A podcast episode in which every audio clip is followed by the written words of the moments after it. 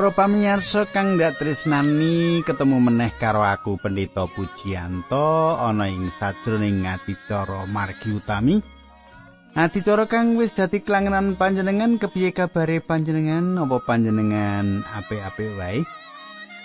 Nembe wae aku ketemu karo sawijining pendengar setia di Pa, mbok nek ngendikan iku aja digawi-gawi. Nggih.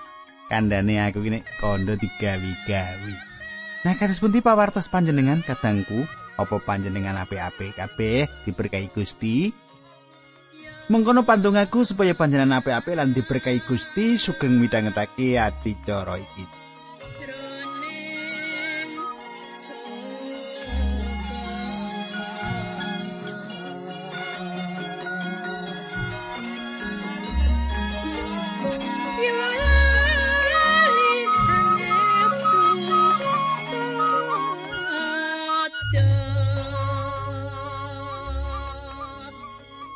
Sedulurku kang ndak tresnani ana ing patemon kepungkur aku wis ngaturake akeh marang panjenengan. Ringkese kita wis nyemak Gusti Yesus nyetakake yen panjenengan iku dalan lan kayekten lan urip.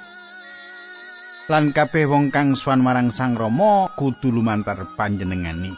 Mengkono ringkese apa sing diaturake nalika patemon kita kepungkur? Banjur kepiye teruse perangan iki Ayo kita semak bebarengan nanging sadurunge kuwi monggo kita ndedonga. Duh Kanjeng Rama ing swarga kawula ngaturaken gunging panuwun. Ing wekdal menika malih-malih kula kalodhangan pinanggih kalian sanak kadang kawula ingkang tuhu setya. Mirengaken adicara menika minangka tambahing kawruh kasukman. Kawula nyuwun paduka berkahi adicara menika supados saged ambrah-ambrah anggen patuko berkahi sanak katang kawula. Linambaran asmanipun Gusti kawula Yesus Kristus kawula netunggal haleluya amin.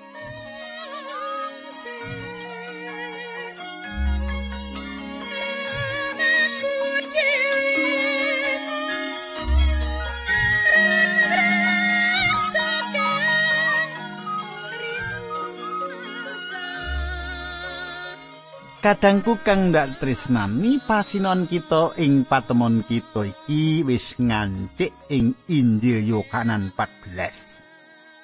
Injil Yohanan 14 lan saiki ayo maca ayat pitu lan wolu. Yen kowe wanuh marang aku, kowe ya mesti wanuh karo ramaku. Wiwit saiki kowe wanuh karo Sang Rama lan wis ndeleng panjenengani. Filipus tuli matur Gusti, kawula mugi panjenengan tedhai Sang Rama menika supados kawula sami marem. Katanggu kang dak tresnani. Filipus yaiku wong kang banget deninge dapi-dapi awit saben kita ngadekake mula Filipus mesti nggawa wong marang Gusti Yesus Kristus. Dheweke sing nggawa Natanael marang Gusti Yesus. Wong-wong Yunani gelem sowan marang Gusti Yesus mesti kondo dhisik karo Filipus.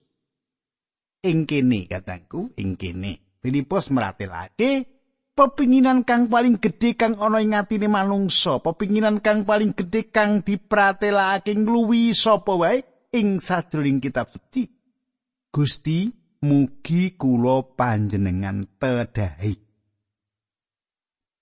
ayat 9 pangandikan Gusti Yesus wis semono lawase nggon kurip bebarengan karo kowe kabeh Ewa semono kowe kok rumangsa durung wanuh karo aku, Filipus, sing sapa wis ndeleng aku, kowe uga wis ndeleng Sang Rama. Kepriye dene kowe muni kawula mugi panjenengan tedhai Sang Katengku kang dak tresnani Filipus ngerti saka perjanjian lawas yen Nabi Musa wis ndeleng kaluhurane Allah lan Yesaya nampa sesawangan kegayutan karo kaluhurane Allah. Gusti Yesus ngendika marang Filipus yen panjenengane wis nindakake akeh mukjizat. Senajan Filipus ora nyawang kaluhuran Allah kaya sing dideleng Nabi Musa, Yesaya, Filipus sabenere wis ndeleng Gusti Yesus lan nyekseni pangandikan lan apa kang wis panjenengane tindakake. Kabeh kang kepingin dideleng Filipus katangku wis dideleng ana ing sajroning Sang Kristus. Ing sajroning Sang Kristus ana pratela kang luwih gedhe saka pribadine Allah ketimbang karo kang ana ing sajroning perjanjian lawas. Filipus duwe pratelane Allah kang paling gedhe awit dheweke wis ndeleng Allah kang manjalma ana ing sajroning wujud manungsa lan bebarengan karo panjenengane sak suwene telung taun. Sing sapa wis ndeleng aku kuwi uga wis ndeleng Sang Rama. Ora teges panjenengan ndeleng pribadi kang padha nanging panjenengan ndeleng pribadi kang kagungan perkara kang padha ing sajroning pangwasa, sipat, katresnan lan kabeh kang liya. Kanggo kita kang tresnani panjenengani, tujuan urip kita yaiku kanggo wanuh karo panjenengani. Ya ta? Saiki ayat 10 coba buka kitab suci panjenengan kuwi. Apa kowe ora ngandel yen aku lan Sang Rama kuwi siji sarta Sang Rama lan aku kuwi siji? kabeh sing ndak kandhake marang kowe kuwi ora metu saka karepku dhewe nanging Sang Rama sing ana ing aku sing nindakake kuwi mau kabeh. Katangku kang ndak tresnani ing pangandikan iki Gusti Yesus meratelake paseksen saka tembung lan apa kang wis katindakake. Ing pangandikan iki Gusti Yesus meratelake paseksen saka tembung lan apa kang wis katindakake. loro-lorone padha lan kang siji nyengkuyung kang liyane.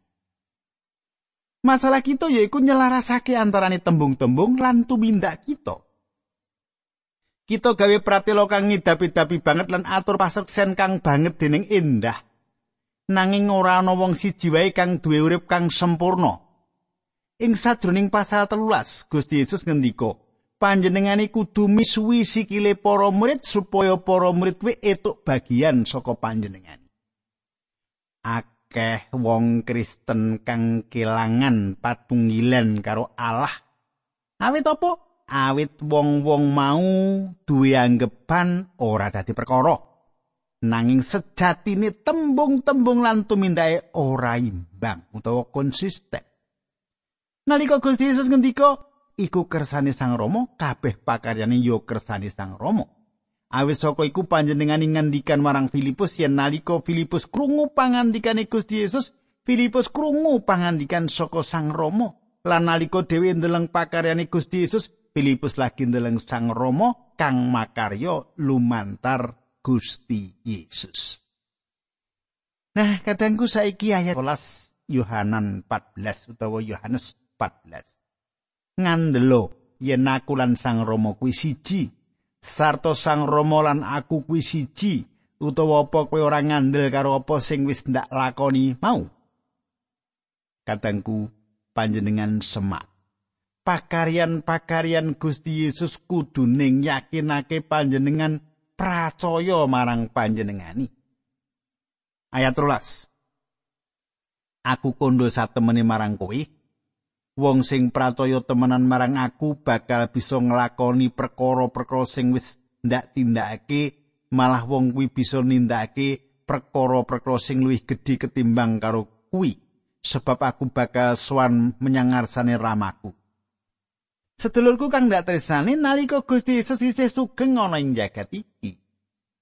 Panjenengane nindakake pakaryan-pakaryan lan mukjizat-mukjizat para murid kang diajak wawan pangandikan nalika iku uga nindakake prakara kang padha. Para murid uga marasake wong loro lan nangekake wong mati. Nanging Gusti Yesus paring pangandikan yen wong kang percaya marang panjenengani bakal nindakake kang luwih gedhe meneh. Apa perkara kang gedhe kang bakal ditindakake wong-wong percaya iku? Simon Petrus tau nyelaki Gusti Yesus nalika Gusti Yesus sing bengi kuwi dicekel. Nalika dhewe khotbah ing dina Pentakosta ana wong 3000 kang dadi pracaya. Nalika Gusti Yesus Kristus ana ing jagat iki panjenengane nindakake mukjizat nangake badan janine menungso. Kita duwe tanggung jawab martakake Gusti Yesus Kristus kanthi mengkono manungso, ya badani, ya jiwani bisa urip ing salawase. Sumitraku, kepriye pakaryan-pakaryan kang luwih gedhe iku ditindakake? Sebab aku bakal suwan menyang ngarsane Rama. Panjenengan semak tetep wae Sang Kristus kang makarya.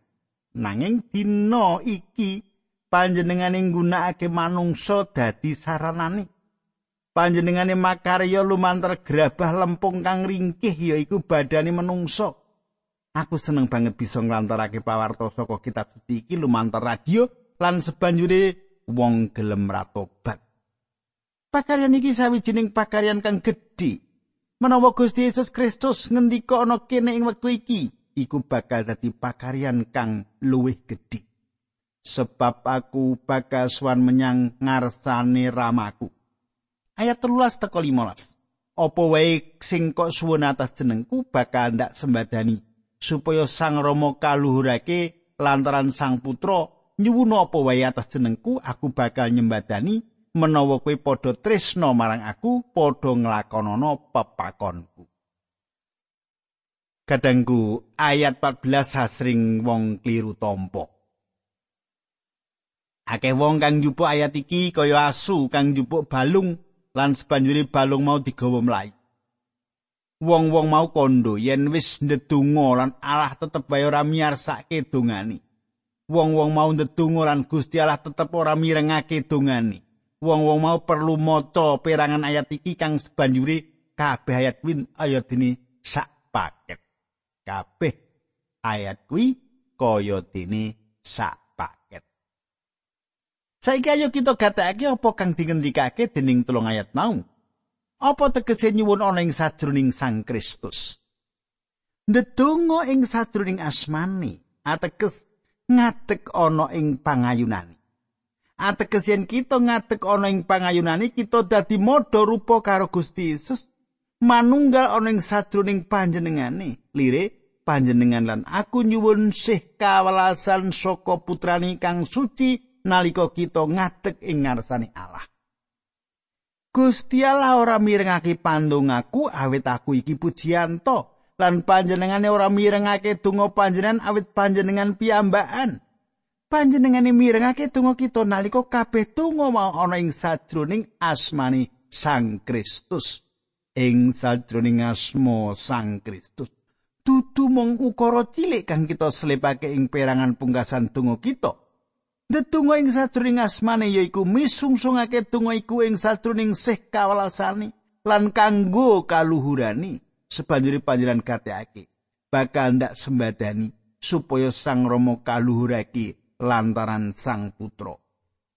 Sawijining tungo kang bakal agawi Gusti Allah diluhurake ana ing satruning sang putra yaiku tungo kang bakal dijawab dening panjenengani.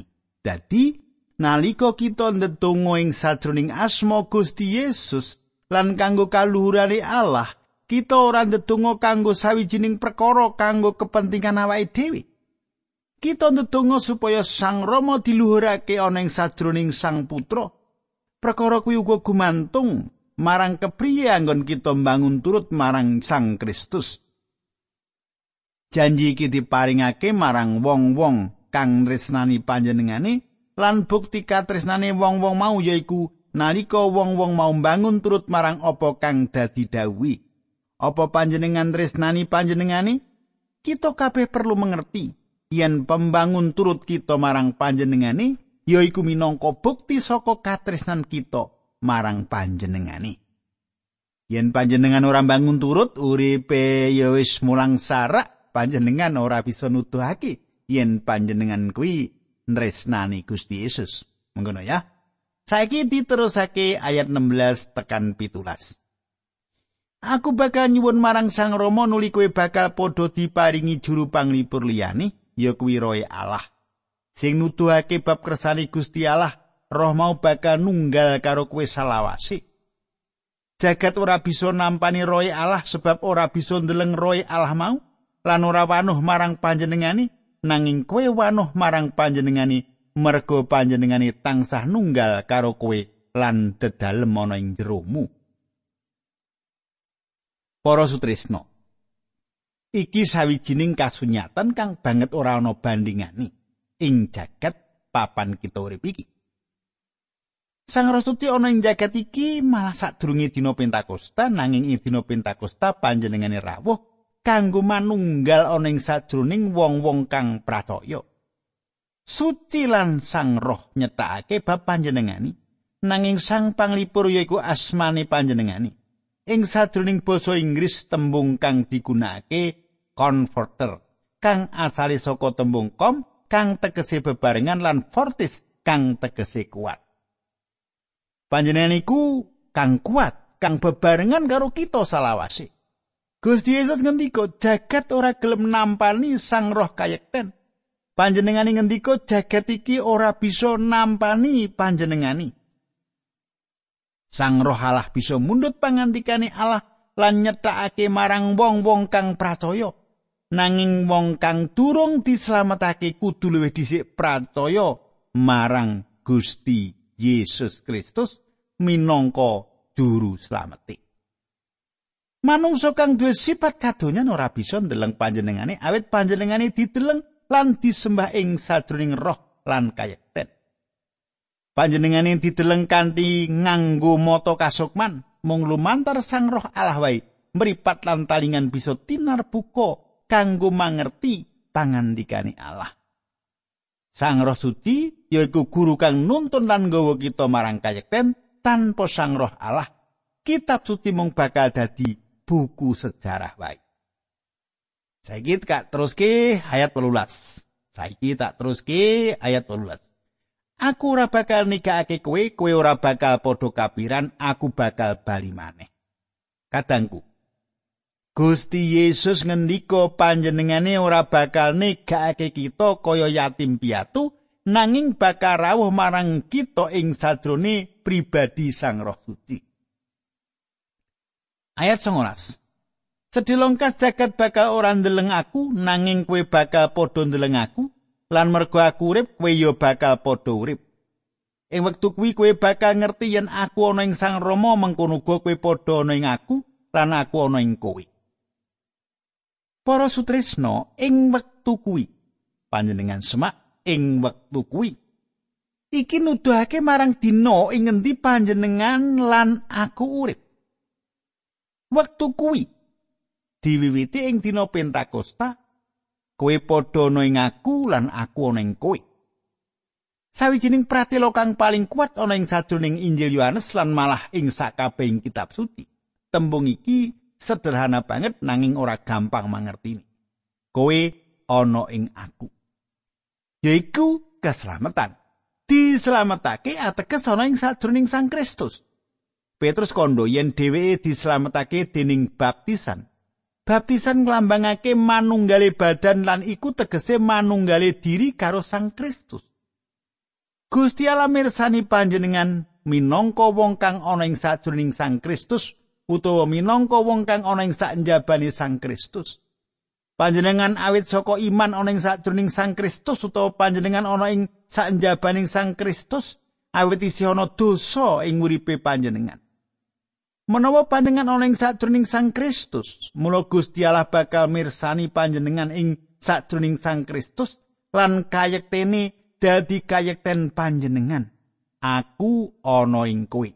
yaiku kang sinebut panyucen ya mengkene iki kauripan Kristen apa sang Kristus ing panjenengan ayat selikur sing sapa nampani lan nglakoni pepakon-pepakonku kuwi ateges tresno marang aku ramaku bakal tresnani wong sing tresno marang aku aku go bakal tresnani wong mau lan aku bakal bloko marang wong mau sapa aku iki sejatine Kadangku aja panjenengan kondo yen panjenengan tresnani Sang Kristus, yen panjenengan ora bangun turut marang panjenengani.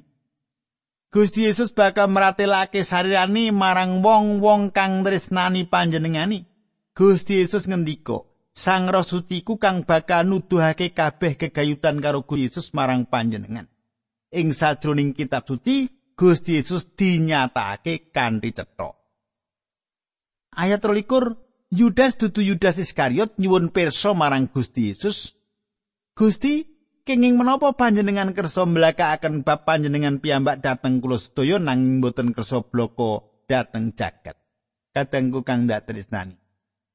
Panjenengan gatekake ya iki kang diwestani misionari kang kawitan. Gusti Yesus paring mangsulan ing perangan sebanjure saka pasal iki ayat 23 nganti 24. pangandikane Gusti Yesus. Wong sing tresna marang aku kuwi wong sing nglakoni piwulangku. Sang Rama bakal tresnani wong mau, ramaku lan aku dhewe bakal nekani wong kuwi lan manggon bebarengan ana ing wong kuwi.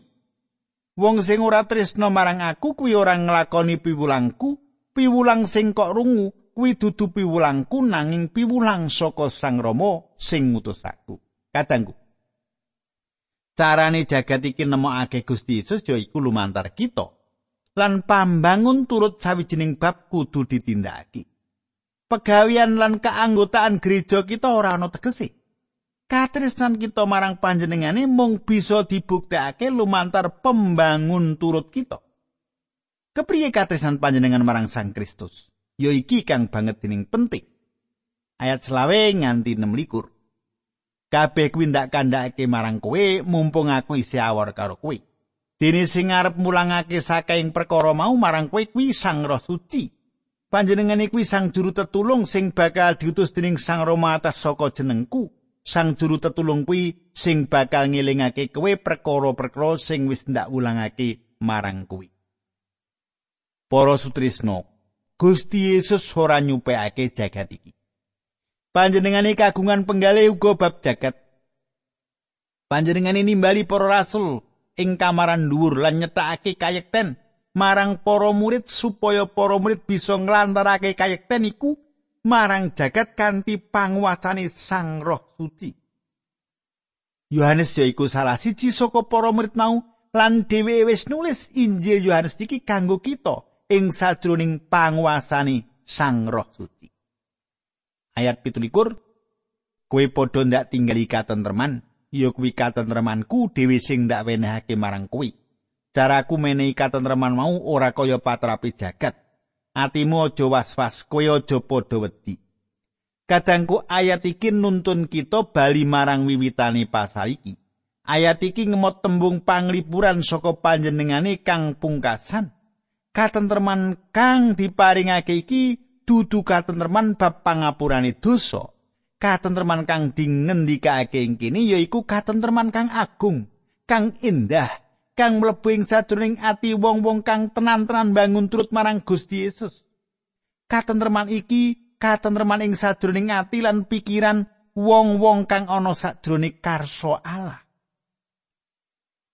Ayat 21 nganti 31 mengkene surasan.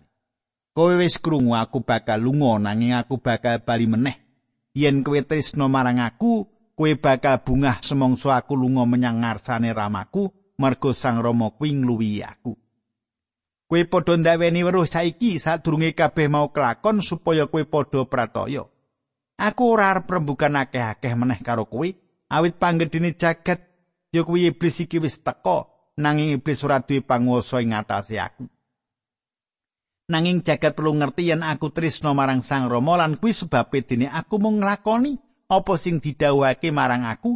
Ayo, kita padha lunga saka kene. Katangku Gusti Yesus ngendika wong-wong kudu asukurna awit panjenengane tindak awit perkara iku bakal gawe berkah kang indah banget kuwi bakal nekani wong-wong mau. Gusti Yesus Kristus bali marang Sang Rama lan panjenengane bakal ngutus sang panglipur kanggo wong-wong mau. Gusti Yesus munggah kayu salib kanggo dosa-dosane jagat. Sawise Gusti Yesus mingrat, sang panglipur iku bakal rawuh kanggo makuwon ing sajroning wong-wong pracaya. Ketengku banjur kepiye terus kita bakal nyemak ayat-ayat sak banjuri saka Injil Yohanes iki nanging ora saiki ana patemon kang bakal teka.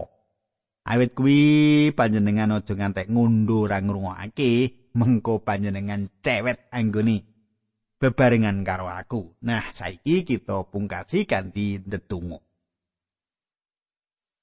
Duh Kanjeng Rama ing swarga kawula ngaturaken gunging panuwun ing wekdal menika kawula saged nyemak pangandikan patuko. Kawula suwun supados ndadosaken kawruh sanak kadang kawula ingkang setya midhangetaken adicara menika. Linambaran asmanipun Gusti Kawula Yesus Kristus kawula netunggal haleluya amin.